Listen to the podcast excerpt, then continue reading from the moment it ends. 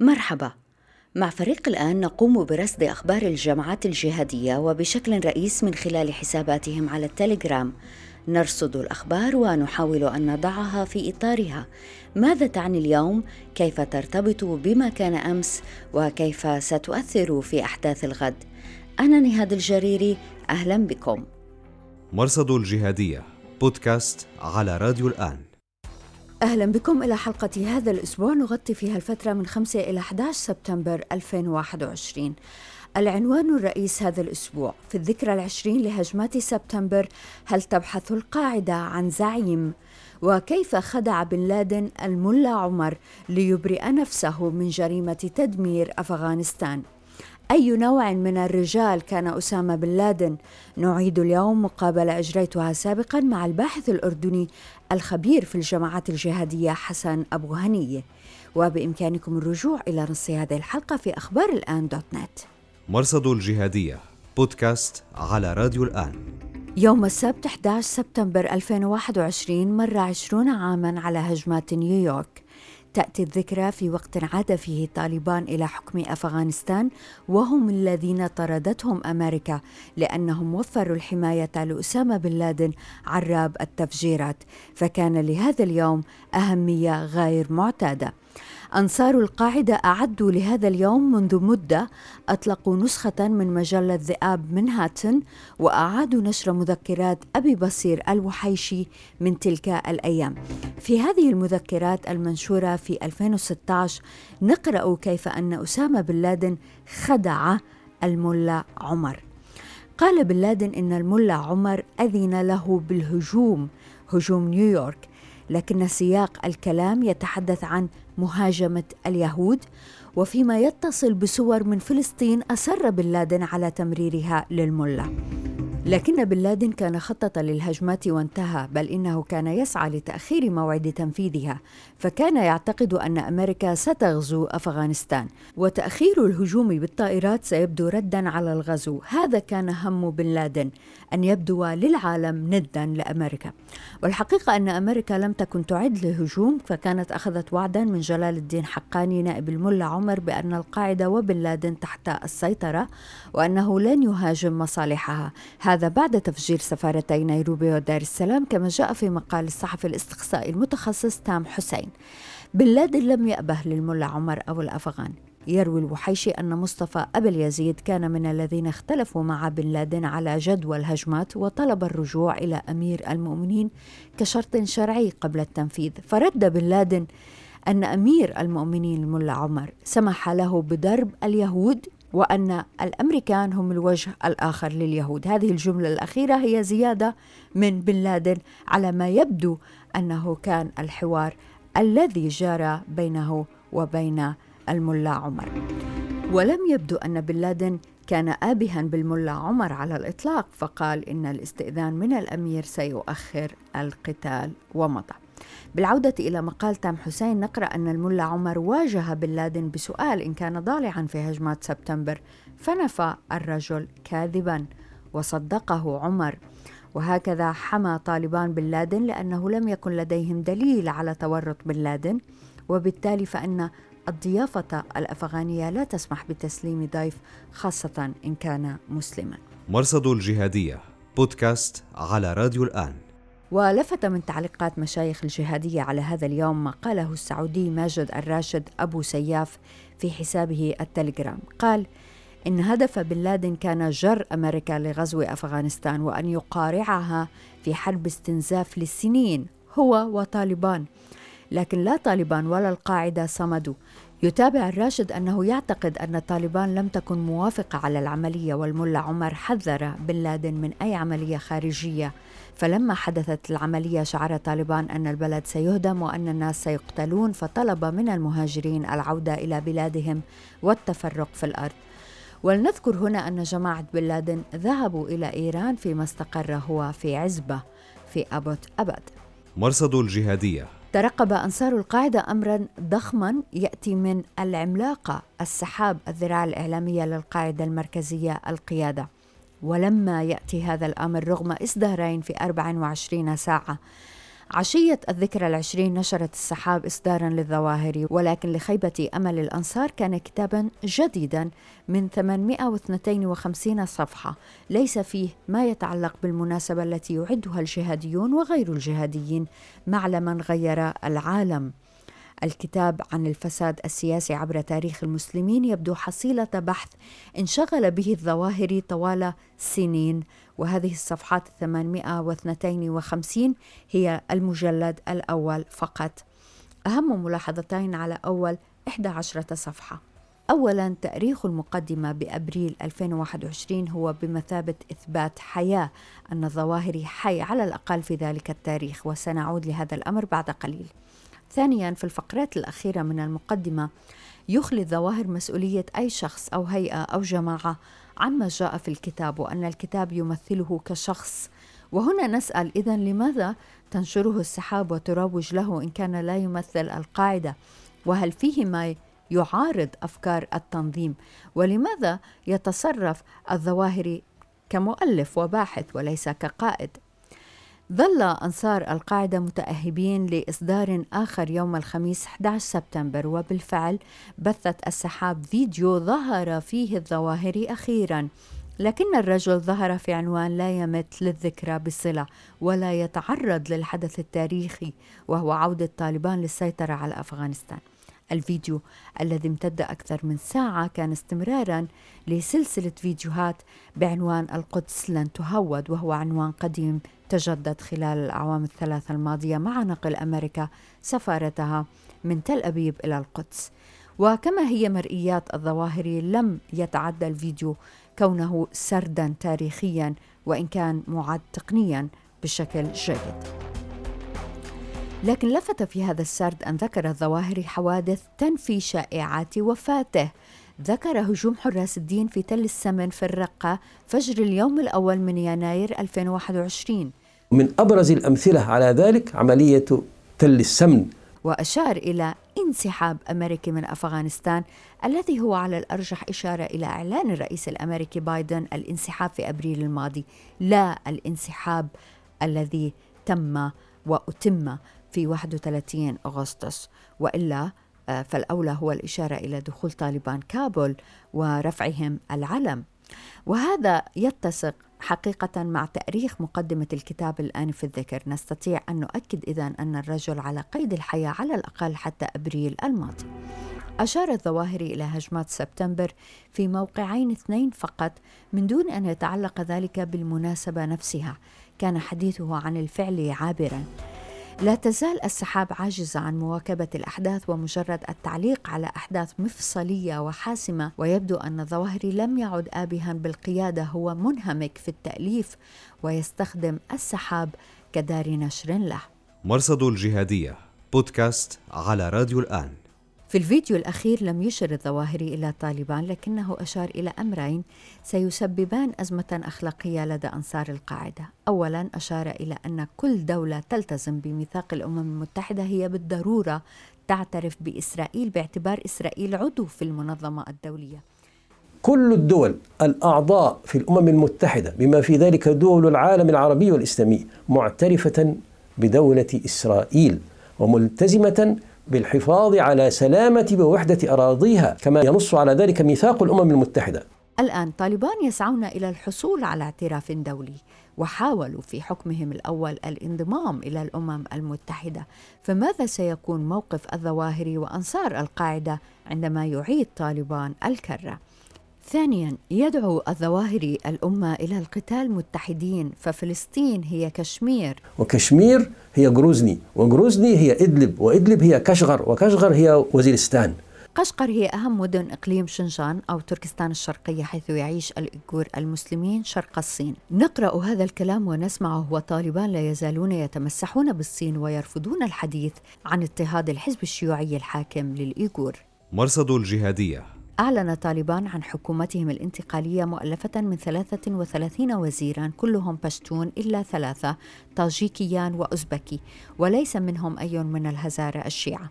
17 منهم لا يزالون على قوائم الإرهاب الدولية ومنهم سراج الدين حقاني وزير الداخلية المطلوب أمريكيا. رئيس الوزراء هو الملا محمد حسن أخند وهو الرجل الذي دمر تماثيل بميان التاريخية. الملا بردار عين نائبا للرئيس عارفون بالملف قالوا إن التشكيله الطالبانيه البحته جاءت لتجنب اقتتال داخلي بين شبكة حقاني وجماعه دراني الذي ينتمي إليهم زعيم التنظيم هبة الله أخنسادة والملا يعقوب ابن الملا عمر المؤسس ومحمد حسن أخوند رئيس الوزراء. راديو الآن مرصد الجهادية بودكاست على راديو الآن. في الذكرى العشرين لهجمات سبتمبر نسأل عن أي نوع من الرجال كان أسامة بن لادن أي إرث ترك الرجل؟ أعيد في هذه الحلقة بث مقابلة كنت أجريتها في مايو الماضي مع الأستاذ حسن أبو هني الخبير في الجماعات الإسلامية صاحب كتاب الجهادية العربية اندماج الأبعاد النكاية والتمكين بين الدولة الإسلامية وقاعدة الجهاد وبهذا العنوان يكون هذا الكتاب بمثابة تأريخ. حقيقة لتطور الجهادية العربية. شكرا جزيلا لوجودك معنا أستاذ حسن. شكرا لك ناهد وأنا مسرور دائما بلقائك. تسلم. إلى أي درجة كان حرص أسامة بن لادن على الدعاية والظهور في الإعلام الغربي عامل في الترويج للقاعدة على إنها شيء مهول؟ إذا راجعت كل الأدبيات اللي كتبت عن أسامة بن لادن أو القاعدة وكأنه كانوا دائما يدهشوا يعني عندما يلتقوا بن لادن أنه معه أنه يحمل إلى جانب الكلاشينكوف أو السلاح يحمل لابتوب. في ذلك الوقت كانت يعني لا يزال النت عندما دخل هذا الخدمة في العالم العربي والإسلام يعني منذ نهاية التسعينات 98 كان نعلم بأنه كانوا الجهاديين أوائل الناس اللي يستخدموا هذه الأدوات والتقنيات آه، في مجال الدعاية. من أدبيات الجهاديين أيضا وحتى طالبان عندما يتحدثون عن أسامة بن لادن يقولون أنه هو الذي ترك ثروته وجاء يدافع عن أفغانستان لأي درجة لعب المال دورا في حشد أتباع آه، أسامة بن لادن وفي هذه الصورة الإعلامية التي تشابه الأسطورة اليوم. لم يترك المال ولم يترك الجاه لكنه زاد عليه أمرا وأنه يريد أن يحرر العالم الإسلامي. يعني ليس فقط يريد أن يعني آه، آه، أن يحقق نوع من التنمية أو يحقق نوع من الأسلمة إنما يريد أن يغير هذا العالم بالقوة بوجود هذا يعني المال. يعني إذا نظرنا إلى تاريخ الحركة الأساسية التي انضمت لبن لادن وأمدته بالقادة الميدانيين العسكريين كأبو حفص أو أبو عبيده البنشيري ثم المنظرين الجهاديين آه، كأيمن ظواهري وغيرهم هم كانوا فعلا يعني بالمال. نعلم أنه في فترة ما آه، بعد انسحاب الاتحاد السوفيتي أصبح ظاهرة الأفغان العرب ملاحقين ولا يجدوا مش يعني ما يقتاتوا به.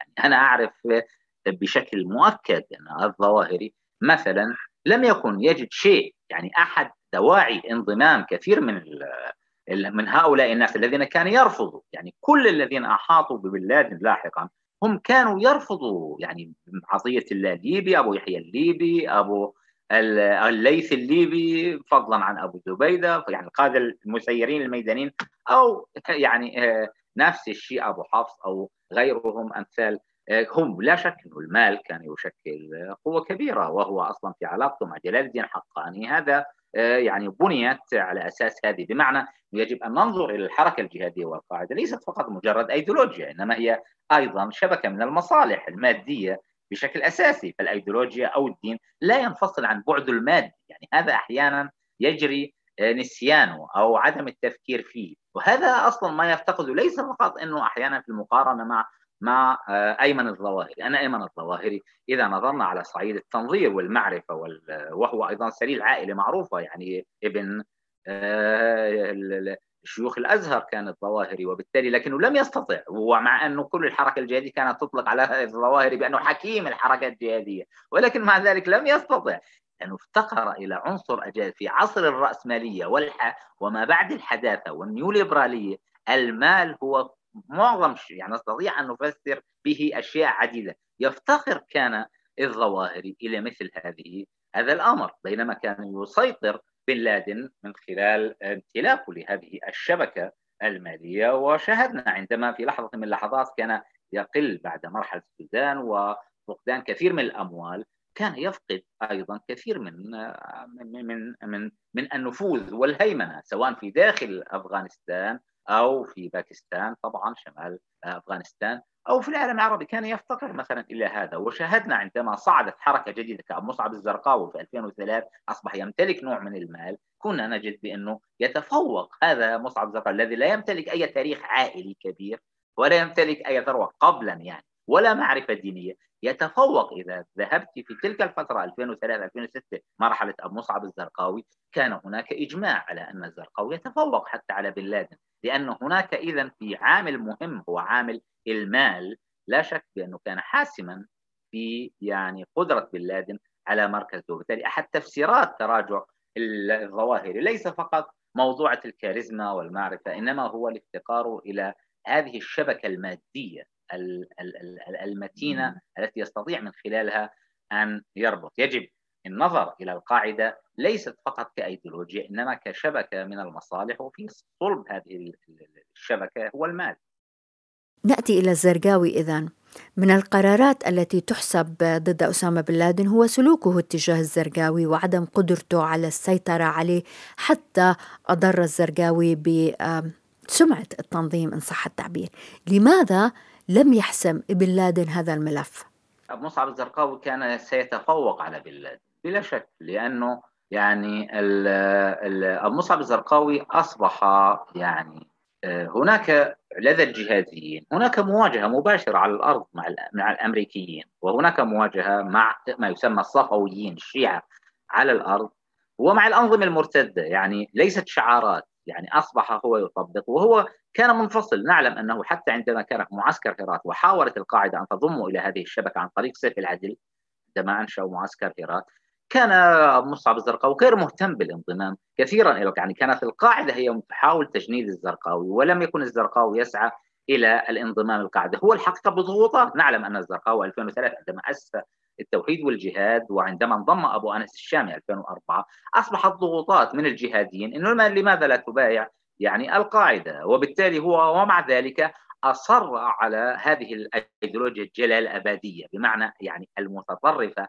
بأنه الشيعة كفار. منتهي. هذا كان فعلا أحد الخلافات اللي كانت دائما تدور بين بن لادن والظواهر والمراسلات. نعلم أنه كان مسؤول عمل خارجي في ذلك الوقت هو عطية الله الليبي الذي كان يتراسل مع باستمرار مع الزرقاوي وهي نشرت يعني آه، مراسلاتهم معا ولكن كان الزرقاوي يرفض. وحتى في بيان البيعة عندما بايعوا في 20 نوفمبر 2004 نعلم أنه في بيان البيعة أصر الزرقاوي رغم كل هذه المراسلات على أنه سيستهدف الجميع. بمعنى هذا ما أطلقت عليه اندماج الأبعاد تندمج الأبعاد المحلية بالعالمية وتندمج أيضا العدو البعيد بالعدو القريب. أه؟ ولم يعد هناك يعني الأبعاد الإقليمية. بمعنى تواجه أمريكا تواجه إيران وتواجه الأنظمة ما ال هذا الاندماج الأبعاد هو اختراع الزرقاوي. يعني كان هناك بن لادن يصر على البعد الواحد وهو مواجهة العولمة. يعني عندما نعلم أنه في الرسائل يقول له أبو بصير ناصر الوحيشي أنا أستطيع أن أسيطر على صنعاء فيرفض تماما في مراسلات. ولكن الزرقاوي أكره يعني يعني خضع هو الذي أخضع القاعدة لهذه المنظورات بشكل واضح. وصريح وهو لم يكن بحاجة بمعنى ليس بحاجة لمال بن لادن لأنه نعلم أصبحت لديه شبكة مالية مستقلة وشبكة دعائية مستقلة. لكن حقيقة لو كان أسامة بن لادن حريص على الحفاظ بين قوسين على نقاء التنظيم، لقال شيء ضد الزرقاوي على الأقل للتاريخ يظل هذا عند أنصار القاعدة إنه ابن لادن لم يكن راضيا عن الزرقاوي، لكنه لم يفعل وظل ساكتا. هذا جزء من شخصية بن لادن لأنه نعلم بأنه كان يترك هذه المجادلات للظواهري أو لعطية الله الليبي. ولذلك كما عندما رد الزرقاوي على عطية الله الليبي وقال دعوا عطية الله فهو أعلم بما يقول يعني المقال الشهير. هو كان يعني بن لادن يعني يترفع يريد أن يظهر بأنه شخصية كأنه هو وأصبح يعني كرجل أعمال كصاحب شركة وهو رئيس مجلس الإدارة لا يتدخل في القضايا هو لديه ذات التحفظات كما تظهر وثائق أبو تأباد وهو كما نعلم أيضا. ولكن هو لم يكن يعني هذا جزء من الذكاء وأنه كان يظهر نفسه كرئيس مجلس إدارة لهذه المنظمة وبالتالي لا يدخل في القضايا ذات الطبيعة العملياتية يتركها إلى عطية اللاليبي المسير العمليات المرتبط بالجهاز الخارجي أو يتركها لبعض القادة كسيف العدل أو كبعض القادة المنظرين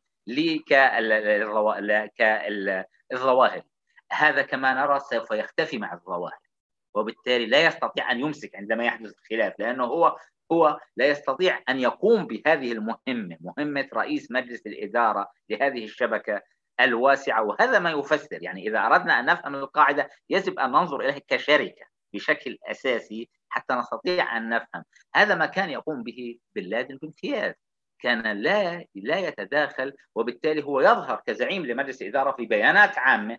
يؤيد قد يتحفظ لكنه لا يظهر أن لديه خلافا واضحا. وحتى عندما يتخذ قرارات سرية يعني عندما كانت حركة الشباب تراسل بن لادن للانضمام كان بن لادن لا يظهر إلى العلن ويقول أرفض إنما يراسلهم ويقول عليكم أن تفعلوا كذا وكذا حتى وذلك حتى وفاته رفض. لكن هذا السرعان عندما توفي لادن كما في أبو تابال 2011 مايو ايار مباشرة الظواهر قبل هذه البيعه يعني ما عاد لم تكن يعني كان هو يعني يتصرف كرئيس مجلس إدارة لشبكة. يعني لشبكة لشركة شركة أو شبكة عابرة للحدود وبالتالي لديها فروع ولا يتدخل في القضايا التفصيلية. هذا هو ما جعل حتى الآن إنه راى إنه رأى تنظيم داعش وريث الزرقاوي إنه يقول بأنه هو وريث لبن لادن.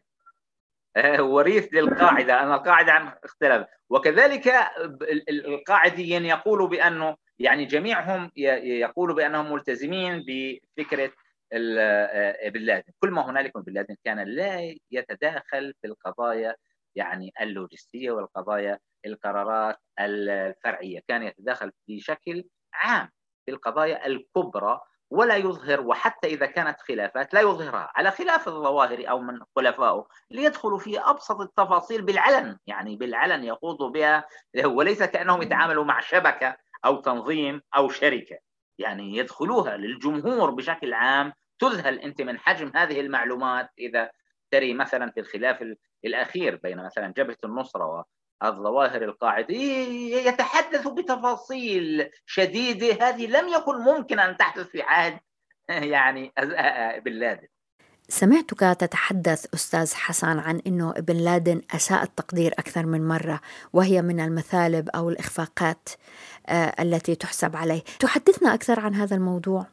بالتأكيد. وكان إذا تنظر إلى خطابات بن لادن ورسائله جميعا كان وحتى عند متحدثيه كان دائما يتحدث بأنه إنه أمريكا هشة بمعنى كأنها نمر من ورق يعني وبالتالي يعني آه، لم يكن يستطيع أن يقدر هذه القوة الهائلة الأمريكية بشكل أو بآخر. وكان يتوقع بانه إذا دخلت أمريكا أفغانستان أو أي بلد سوف يعني يتم استنزافها بطريقة أو بأخرى وبالتالي ستنهزم أمريكا بسهولة أكثر من الاتحاد السوفيتي مثلا.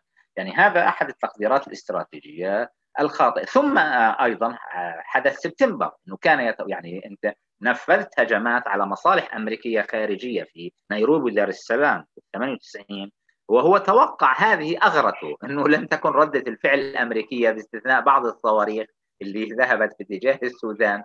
يعني هذا هو ربما ما جعله يسيء التقدير أكثر.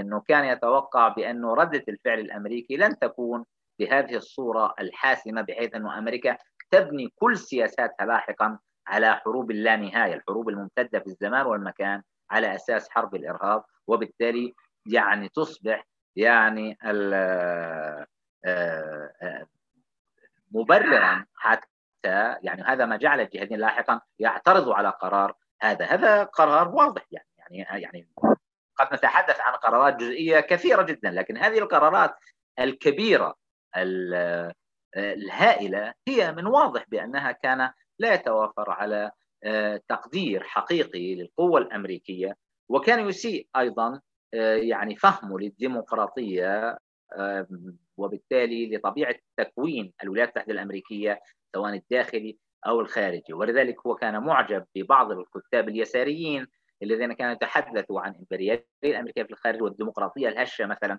وربما اغرته كتاب اليسار الأمريكي تشومسكي أو بلوم اللي كان يعرف بالدول يعني عن تقديره لهم في كتاباته أعتقد هؤلاء ربما يكون ضللوا بن لادن في فهم طبيعة القوة الأمريكية. إلى أي درجة الرجل كان نرجسيا مهووسا بذاته؟ بالتأكيد هو ربما كل شخص فينا لديه هذه النرجسية، يعني الإنسان بطبيعته نرجسي وهو أحيانا الذات تتضخم، ولكن إذا كانت هذه الذات أيضا تستند إلى بعض القدرات يعني إلى بعض القدرات وإذا وجدت من محيطها مثل هذا الاهتمام أو التقدير آه، ربما وعد نعلم أنه ما حد يجرؤ يعني من سيجرؤ في مجلس بن لادن ينتقده أو يتحدث معه؟ هذه ضخمت. لا شك يعني هذه الذات النرجسية واضحة وهي تعاني من جرح نرجسي للهوية للهوية الذاتية الشخصية وللهوية اللي هو تبناها كهوية سردية دينية وسعودية لأنه هو كان يرى في نفسه ذات يعني بمعنى يقترح على السعودية أن تواجه أمريكا في 91 مثلا. يقترح على السعودية أن تذهب وفي حرب اليمن أن يقود حرب للتحرير. يعني واضح إنه الشخص يسيء حتى تقدير قوة مجموعته أو ذاته. نحن نتحدث في التسعينات يعني شخص ما هي مصادر ما هي القوة اللي يقترح على دولة كبيرة كالسعودية أو في أي دولة أخرى أنه هو من سيقوم بهذا العمل الكبير؟ من الواضح أنه هذا يعني التضخم الذاتي والنرجسية بالتأكيد. وهذا ساعد كما قلت لعدم وجود شخصيات قادرة يعني مجموعة من ممن كانوا حول بن لادن بالذات من المصريين. لم يكونوا يجرؤوا على الحديث بن لادن لو أنه قال شيئا خاطئا أو شيئا. ما حد يجرؤ على ان يقول له هذا خطأ.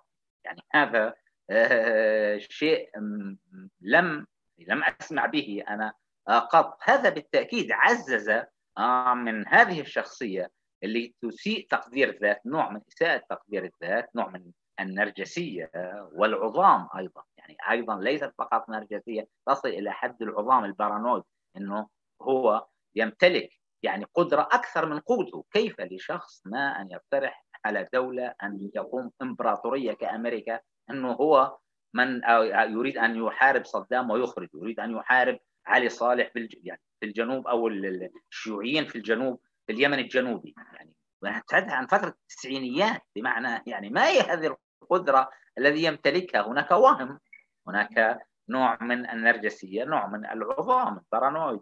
يتصور تقدير الذات. الأستاذ حسن أبو هنية شكرا جزيلا لك. شكرا نهاد شكرا. وشكرا جزيلا لوجودكم معنا في راديو وتلفزيون الآن. أنا نهاد الجريري مع السلامة. مرصد الجهادية بودكاست على راديو الآن.